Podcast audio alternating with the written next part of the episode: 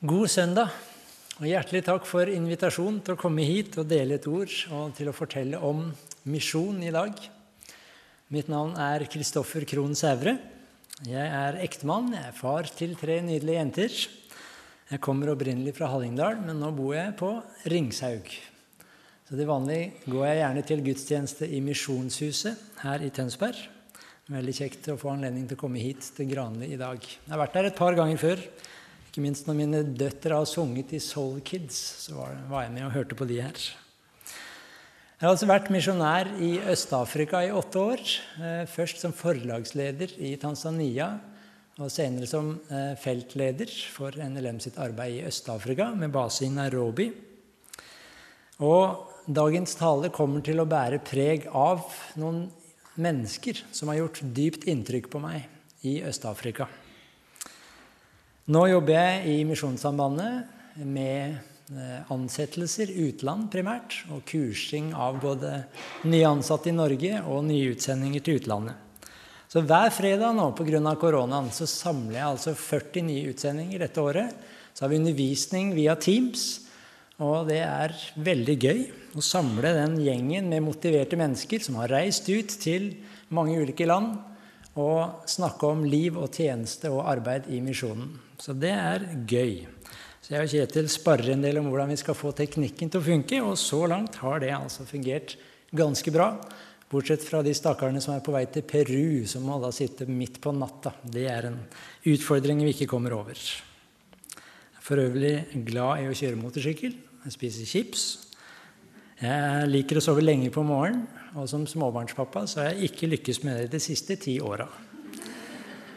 Så da vet dere noe sentralt og noe uviktig om meg, altså. Men jeg kom selvfølgelig ikke for å snakke om meg selv. Dagens tekst står i Matteus 5, versene 10-12. Dere er velkomne til å slå opp i biblene, de som har med bibel. Så leser vi teksten sammen i Jesu navn. Ja, det bildet skulle sikkert vært oppe. Salige er de som blir forfulgt for rettferdighets skyld for himmelriket er deres. Ja, salige er dere når de for min skyld håner og forfølger dere, lyver og snakker ondt om dere på alle vis. Gled og fry dere, for stor er lønnen dere har i himmelen. Slik forfulgte de også profetene før dere. La oss be. Kjære Jesus, åpne våre hjerter, slik at vi kan ta til oss ditt ord og ditt ord alene. Amen. Versene fra dagens tekst er jo henta fra bergpreken. Det er Jesus som snakker. Vi leser at han taler til en stor folkemengdene. Disiplene har samla seg rundt ham, og han underviste. Når jeg leser denne teksten, så begynner jeg å tenke på mennesker med en gang.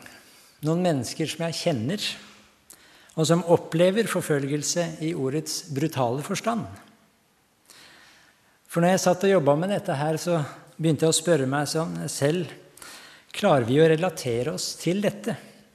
Nordmenn i 2021. Har vi opplevd forfølgelse i ordets brutale forstand? Og Da sier jeg ikke at det ikke foregår forfølgelse i Norge.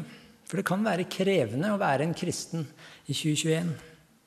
Vi opplever til stadighet ulike former for press. I mediene så blir vi anklaget for hat og diskriminering når vi forfekter at Bibelens lære er sann og skal få konsekvenser for våre liv. Og Jeg tipper at en del her inne kunne fortalt ulike varianter og historier om hvordan det ikke akkurat trekker opp på CV-en å ha misjonærstempel og den slags. Jeg har til og med selv kjent på en form for et ønske om å dempe litt dette misjonærperspektivet hvis jeg møter nye mennesker, og de spør det sedvanlige 'Hva driver du med, da?' Så hender det at rullegardina går på enkelte når de hører hva jeg jobber med. Norsk-luthersk hva for noe? De klarer ikke helt å relatere seg til dette her. Forfølgelse av kristne, det skjer i dag. Det skjedde i den første kirken. Og det skjer fremdeles. I dag ønsker jeg å fortelle noen historier fra Øst-Afrika om noen venner av meg som står og opplever forfølgelse. For de av dere som ønsker å lese mer og lære mer om Den forfulgte kirke, så vil jeg anbefale en bok som heter 'Guds galskap' av Nick Ripkin. Boken hans formidler hans forskning på Den forfulgte kirke. Og han beskriver faktisk en sammenheng mellom settinger der mange tar imot Jesus, og forfølgelse. At det henger sammen. Det er tankevekkende for oss i Norge så tror jeg i Norge at vi lett tenker at forfølgelse og lidelse det er noe som ikke hører helt hjemme. Det er noe vi skal unngå for enhver pris. Men så finnes det andre settinger i andre land der forfølgelse anses som helt naturlig. Til og med noe som Bibelen sier at vi som kristne må regne med. Gjennom mine år i Øst-Afrika har jeg blitt kjent med mange forskjellige mennesker, og et par av de så skal jeg dele noen historier med dere i dag. Og jeg nevner ikke deres fulle navn eller steder av respekt for den risikoen som de faktisk lever i. Men de personene jeg nevner i dag, er innforstått med at jeg deler, og de er takknemlige for forbønn. Det å ta imot Jesus kan få enorme konsekvenser for mennesker. Og denne broren som sitter bakerst på bildet her Jeg vil fortelle litt om hans historie. Han vokste opp som muslim, og etter mange år og en lang trosreise så bestemte han seg for å ta imot Jesus. Og da raknet absolutt alt for han. I løpet av de første seks månedene som han kalte seg en Jesu etterfølger, så mistet han jobben sin. Han mista støtten til å studere. Han ble utstøtt av sin egen familie. Han ble truet på livet. Han måtte flykte fra byen der han bodde. Han mista venner. Han opplevde innbrudd. Han ble totalt isolert. Etter flere år fikk han fortsatt ikke lov å komme til bryllup i sin egen familie. Han fikk ikke lov til å delta i begravelser hvis noen i slekta hans døde. Hans egne barn har blitt angrepet og forsøkt reddet fra hans dårlige ideologi, altså kristendom. Og listen kunne fortsatt. Det var en rik person som hadde bestemt seg for å støtte denne broderen med å betale hele utdannelsen hans. Når det da ble kjent at han var blitt en kristen, så møttes de på et tidspunkt senere på en flyplass og den rike mannen kom rett bort til Abdi og så han rett inn i øynene og sa med troverdighet Hadde jeg hatt en pistol i hånda nå, så hadde jeg skutt deg. Broder Ab han så inn i øynene på denne mannen og svarte med en ro som han nesten ikke får av seg selv. Jeg vet det, men hva hadde du oppnådd med det? Og Så brukte han anledningen der og da på flyplassen til å ha en inngående samtale om troen på en levende Gud. En som ikke veier oss etter egne gjerninger, men en nådig Gud, som ga sin egen sønn slik at vi syndere får frelse ufortjent, ikke på grunn av våre egne gjerninger, men ved Hans nåde. Broder Ab han vokste opp på en øy i en relativt liten by der samfunnet kjente hverandre. Og da han ble kristen, så ble hele storfamilien hans rammet, selv om de fortsatt var muslimer. Faren hans og hans nære familie fikk ikke lov til å kjøpe mat. I butikkene nekta de å selge mat til en familie som var rammet slik av en skam ved at eldstesønnen var blitt en kristen. Så broder Ab måtte sende mat i en eske, i en buss ifra der han bodde, sånn at familien skulle overleve og ha nok mat, bare fordi han tok imot Jesus. Så høres dette her absurd ut, og det er vanskelig å se det for seg. Men prøv å se for deg da, i din egen setting. Du får ikke jobb, du får ikke lov til å bo hjemme. Flere mennesker har truet deg, bokstavelig talt. Og det du kan håpe på, er at noen kristne kan forbarme seg over deg og hjelpe deg med mat eller jobb. Og En muslim i Øst-Afrika har gjerne vokst opp med historien om at kristne det er mennesker uten moral. For inntrykket er, og det formidles gjerne i en del moskeer, at kristenheten den ser vi i Hollywood-filmene. Altså er det syndige mennesker. Kristne har ikke moral. Og den gjengen med syndere som du har hatt et anstrengt forhold til, skal for broder Ab plutselig være din nye storfamilie og gi deg den omsorgen som det muslimske brodersamfunnet har sørget for. Det er så massivt at det er vanskelig å ta inn over seg. Og det kjente han på. Han falt mellom alle stoler i en lang periode. Jeg spør meg i hvilken grad vi kristne innser hvor sårt tiltrengt våre søsken i troen har behov for vår omsorg. Men broder Ab er ingen bitter mann. Det er få jeg vet om som er så smilende og imøtekommende når jeg møter han. Han lyser av fred og takknemlighet og visshet. Når han leser om forfølgelse i Matteus 5, så er det noe han kjenner igjen. Og han sier, og leser jeg et sitat av Ab Vi kan ikke redde nye troende fra forfølgelse, men vi kan gjøre de i stand til å benytte de vekstanledninger som oppstår under forfølgelse. Vekstanledninger. Det er perspektivet som broder Ab får for seg når han hører om forfølgelse. Og det krasjer jo totalt med våre norske tanker om beredskapsplaner og HMS-tanker. I årene 2015-2019 var jeg feltleder i Øst-Afrika med ganske mange utsendinger. Den gjengen på bildet der var de jeg hadde et direkte ansvar for. Det var flere andre ansatte også. Og vi har veldig gode planer og et inngående apparat for å ta vare på sikkerheten for våre kolleger. Legg merke til at mange av de står med ryggen til. Det handler altså om sensitivitetsaspekter, fordi vi ikke vil eksponere de, og ikke minst de kristne de jobber blant, ved at det skulle bli allment kjent at de er misjonærer. Problemet og dilemmaet mitt det er ikke de der, de norske. For de kan vi i teorien trekke ut når som helst hvis vi skulle se det nødvendig. I verste fall så kan de hoppe på et fly samme dag, reise tilbake til Norge og ha det helt strålende. Men våre lokale brødre og søstre kan vi egentlig ikke trekke ut.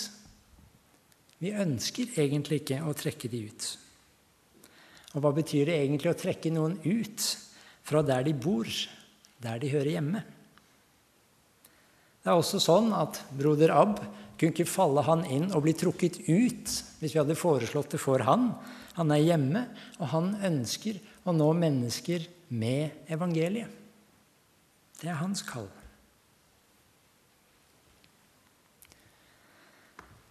Dette dilemmaet har for meg blitt fryktelig sterkt og direkte gjennom den søsteren i midten med blå hijab, søster Am. I Kenya driver Misjonssambandet voksenopplæring på flere lokasjoner. Det er en viktig måte å hjelpe mennesker uten utdannelse og uten annen påvirkning enn det de får høre fra sin mann eller i moskeen. Mange jenter giftes bort i veldig ung alder Søster Am hun var 13 år da hun ble gifta bort til en relativt brutal mann. Hun fikk ikke fullført noe utdannelse og var forventa å forvalte kjøkkenet og hjemmet, og ikke noe annet. Hun fikk fire barn. Hun kunne ikke lese, hun kunne ikke få seg jobb. Men så fant hun plutselig ut at det fantes et voksenopplæringstilbud ikke langt unna der hun bodde. Og Hun snek seg ut på dagtid og deltok på undervisningen og lærte seg veldig fort å lese og skrive. Og Etter hvert ble hun veldig nysgjerrig på hvem disse menneskene fra Norge var. Hvorfor hadde de kommet til Kenya? Hvorfor tilbød de gratis undervisning? Og hvorfor, mest av alt, behandlet de henne med godhet, respekt og nestekjærlighet? En dag så drista hun seg til å spørre om hun også kunne få lov til å høre hva som står i Bibelen. Men før jeg forteller litt mer om hennes dramatiske historie, så skal vi vise et kort glimt fra voksenopplæringen som ble inngangen til hennes vei til Jesus.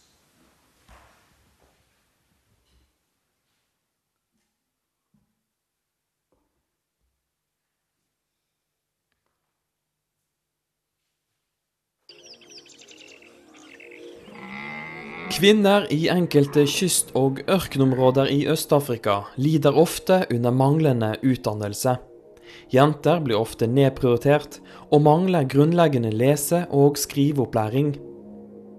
For å imøtekomme denne utfordringen støtter NLM bl.a. to litteratursenter hvor kvinner kan ta igjen for tapt skolegang. På den måten blir kvinners posisjon og verdi i samfunnet styrket.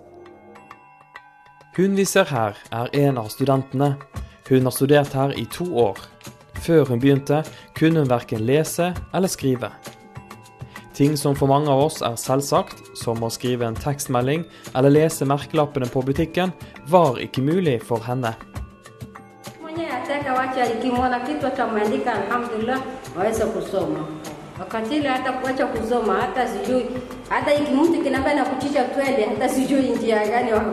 Kuingia, lakini saa hii nikimwona kila mahali kienda najua. Flesteparten av studentene er fra området her, men også en stor prosent er flyktninger som har flyktet fra hjemlandet sitt uten å ha noen form for utdannelse. Dette er Hesron og leder et av litteratursentrene. Han kan fortelle om stor mestringsfølelse blant studentene. Yeah, I have met uh, quite a number. I was taking a walk in the, the in the area, and I found uh, some of them are uh, business people. They have shops. Some of them are tailors. They are now sewing. Some are running uh, uh, hardware. They can communicate. They can read and write. So we have uh, quite a number that are now working for themselves. Ved å gi kvinner mulighet til å lære å lese og skrive, får de selvtillit og økt verdighet, og en mulighet til å leve et liv der de kan delta mer i samfunnet. Gjennom NLM bidrar du i kampen mot fattigdom, for likestilling og samfunnsdeltagelse.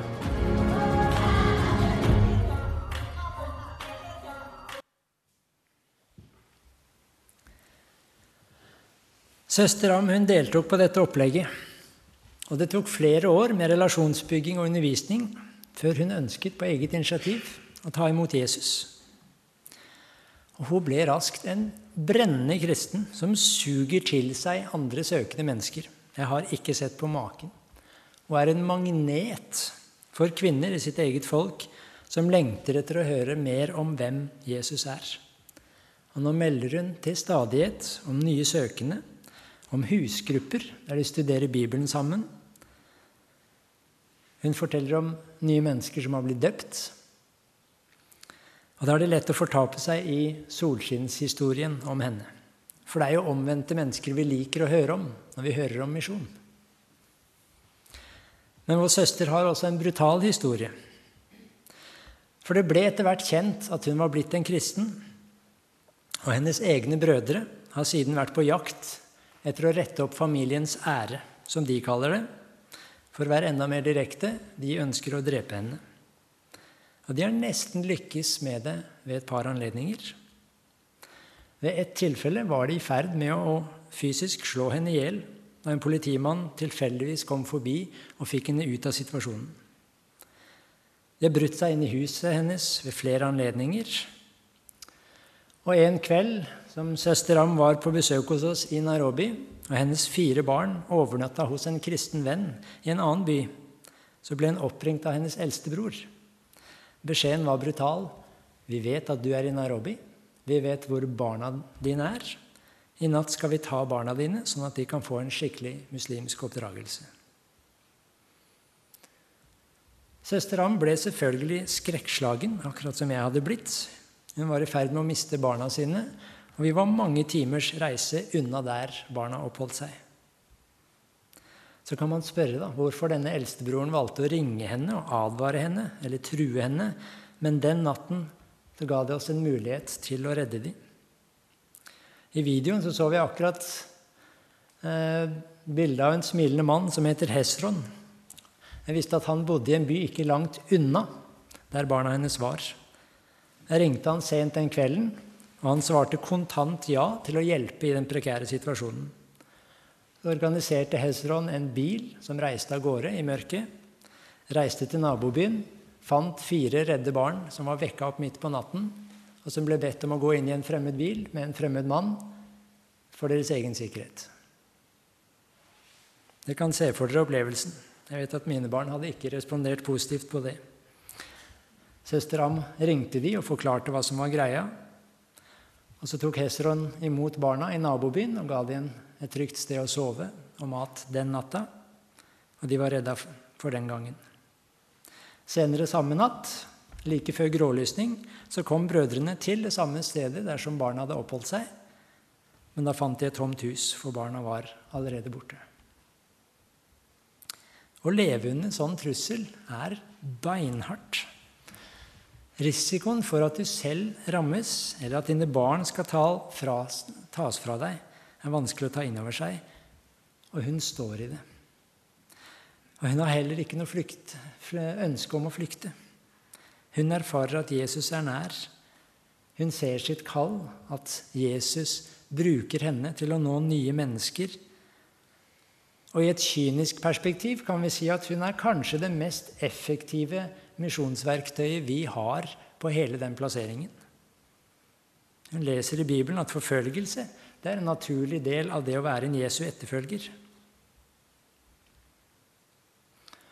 Jeg har hørt noen antydninger om at vi som er misjonærer, må lide for kallet. Det er ikke min erfaring personlig. Jeg og min familie vi har hatt fantastiske år i Øst-Afrika. Både i arbeid og tjeneste, og oppgaver og helt privat. Vi elsket å bo i Øst-Afrika. Mine døtre omtaler det som hjemme. Det er der de ble født. De har hatt de fleste av årene sine der hittil. Det mest smertefulle jeg kjenner på i misjonstjenesten da, det er dilemmaet Hva er mitt ansvar for søster Am? Kunne jeg gjort mer? Skulle jeg overstyrt noe? Skulle jeg tatt henne ut av settingen? Og et spørsmål som gnager meg fremdeles til stadighet Hva skal jeg respondere? Hvordan skal jeg kjenne det hvis jeg en dag skulle få beskjeden om at brødrene lykkes i å ta henne? Hvordan kan jeg leve med det? Jeg har fortsatt ikke noe godt svar på det. Det er ikke et ideal å oppleve forfølgelse. Vi skal ikke søke å lide eller syke martyrdom. Men jeg håper at vi som del av den kristne kirke klarer å ta inn over oss at når ett lem lider, lider alle de andre med. Hva kan vi som kirke gjøre for våre søsken i troen som lider? La meg antyde noen mulige måter å bidra på. Så er det opp til hver enkelt å ta stilling til hvordan du eventuelt vil bidra. Vi trenger forbønn. Jeg tror at Gud hører våre bønner. Jeg tror at vi trenger å leve i en relasjon med Gud. Jeg tror at vi trenger å fokusere utover oss selv. Og gjennom bønn så har vi en anledning til å la Gud forme oss. Og så tror jeg på en Gud som hører våre bønner. Vi leser til og med eksempler der Jesus lar seg overtale. Noen mennesker som maser på ham.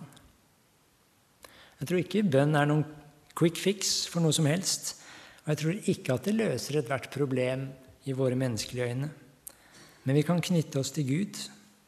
Vi kan knytte oss til våre lidende brødre og søstre. Vi kan løfte fram de som blir forfulgt, og som lider. Så kan vi ta broder Ab på ordet og be om at de utnytter de vekstmuligheter som forfølgelse gir. Vi bør be om visdom til å se hvordan vi selv kan bidra. Vi kan be om at de som forfølger, kan få et radikalt møte med Jesus selv. Vi skal be om at hans vilje må skje. Vi trenger kollekt. Nå trives ikke jeg med å mase om penger. Men samtidig så vet jeg hva pengene brukes til. Og jeg vet at misjon koster penger. De nevnte eksemplene i dag de har ikke blitt kristne i et vakuum. Det har vært mennesker rundt dem, side om side, over år, som har undervist hva Bibelen sier, hvem Jesus er. Det tar lang tid å være medvandrer for en muslim og føre vedkommende til Jesus, og det koster penger. Misjonssambandet ønsker å være en sendemisjon. Vi tror at Gud virker i oss ufullstendige mennesker. At vi som Jesu etterfølgere har fått i oppdrag å gå ut i verden og forkynne hvem Jesus er. I Romerne 10, 14-15 står det hvordan kan de påkalle en de ikke tror på? Hvordan kan de tro på en de ikke har hørt om? Og hvordan kan de høre uten at noen forkynner? Hvordan kan de forkynne hvis de ikke er utsendt? Misjonssambandet har gleden av et godt samarbeid med DELK. Ved at flere av deres, fra deres sammenheng er utsendinger for NLM nå i ulike land. Jeg kjenner selv Torin og Arild i Etiopia, Georg og Signe i Nord-Afrika, Sara, som akkurat har reist til Sentral-Asia, Øyvind og Solveig, som er på vei til Japan. Dere kjenner sikkert de bedre enn meg, og kanskje er det enda flere. Disse kollegene er med på å vinne verden for Kristus og dere trengs som en støtte i form av forbønn og som givere. Den gaven dere gir i kollekt, betyr noe. Så er det noe med å ikke komme med pisken, og det ønsker heller ikke jeg. Når Paulus skriver til menigheten i Korint, så setter han opp menigheten i Makedonia som forbilde. Og det ønsker også jeg å gjøre om våre brødre og søstre i Øst-Afrika. Der har jeg sett en giverglede som jeg finner inspirerende. Jeg har sett menigheter som i norsk forstand er fattige, i Tanzania, som tar ansvar for evangelister og sender de ut til grisgrendte strøk for å forkynne evangeliet. Menighetene på praktisk vis betaler for mat og bolig, og så må evangelisten sørge for resten selv. Jeg har møtt kenyanske kvinner som har blitt sendt som hushjelper til Mogadishu i Somalia med teltmakerperspektiv. Små, sårbare kirkegrupper tar ansvar for enkeltmennesker som reiser til andre steder med støtte fra et lite husfellesskap, sånn at de kan dele videre det budskapet de selv har fått. Joseph her, han ble faktisk arrestert fordi han holdt på med det der.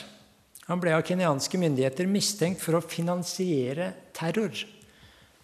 For det, hva skulle ellers være grunnen til at han sendte penger til somaliere en av de mest forhatte folkegruppene i Kenya. Mens den faktiske grunnen det var jo at han sendte penger for å hjelpe nye troende som hadde mistet alt. Da vi fikk beskjed om at Joseph satt arrestert i Nairobi, så reagerte vi på vårt norske sedvanlige vis og tenkte vi må få han ut. Vi må redde han, vi må få han ut av fengselet. Men da min kollega reiste ned og møtte Joseph, så møtte han på ingen måte en nedbrutt mann. Han møtte en inspirert mann.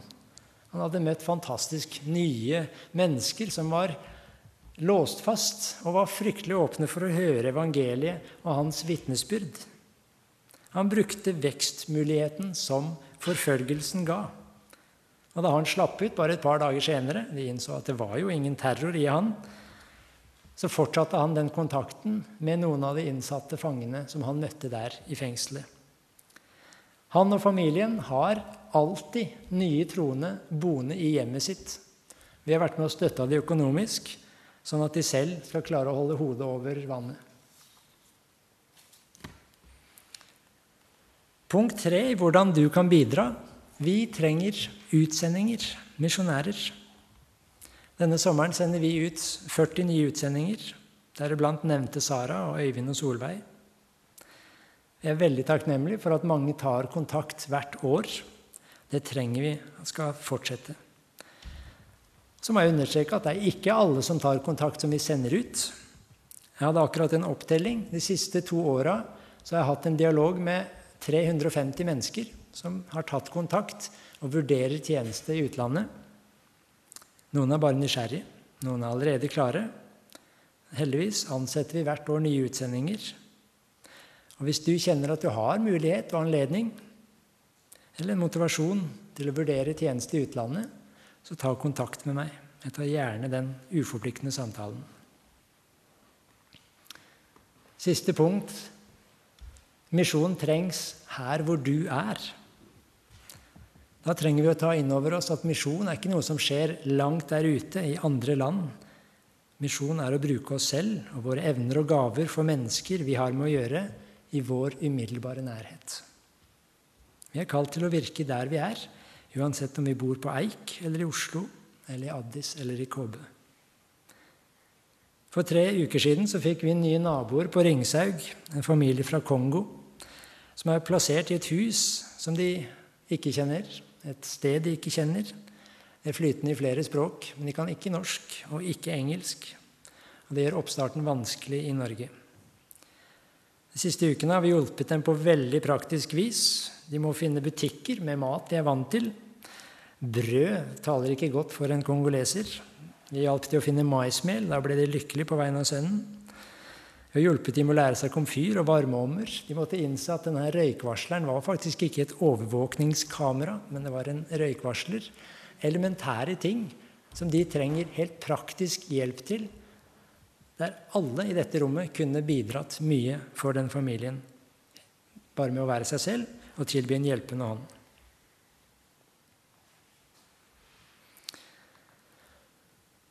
Jesus sine ord i Matteus 5, 10-12 helt til slutt. Salige er de som blir forfulgt for rettferdighets skyld, for himmelriket er deres.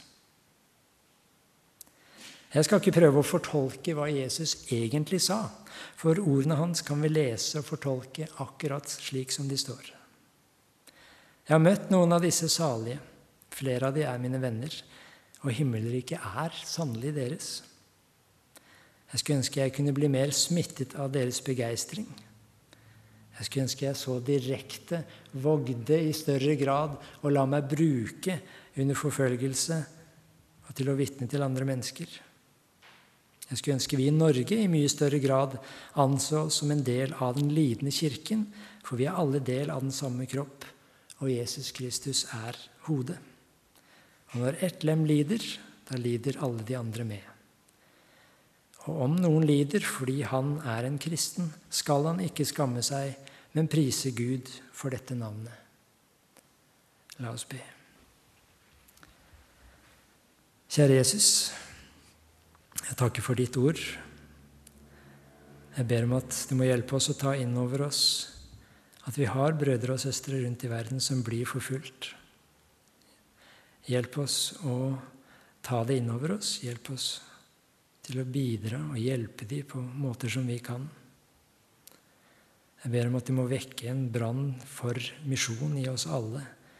At vi evner å se menneskene rundt oss og være med å formidle hvem du er, Jesus. Jeg vil i dag spesielt be for broder Ab og søster Am, Joseph og andre tilsvarende situasjoner,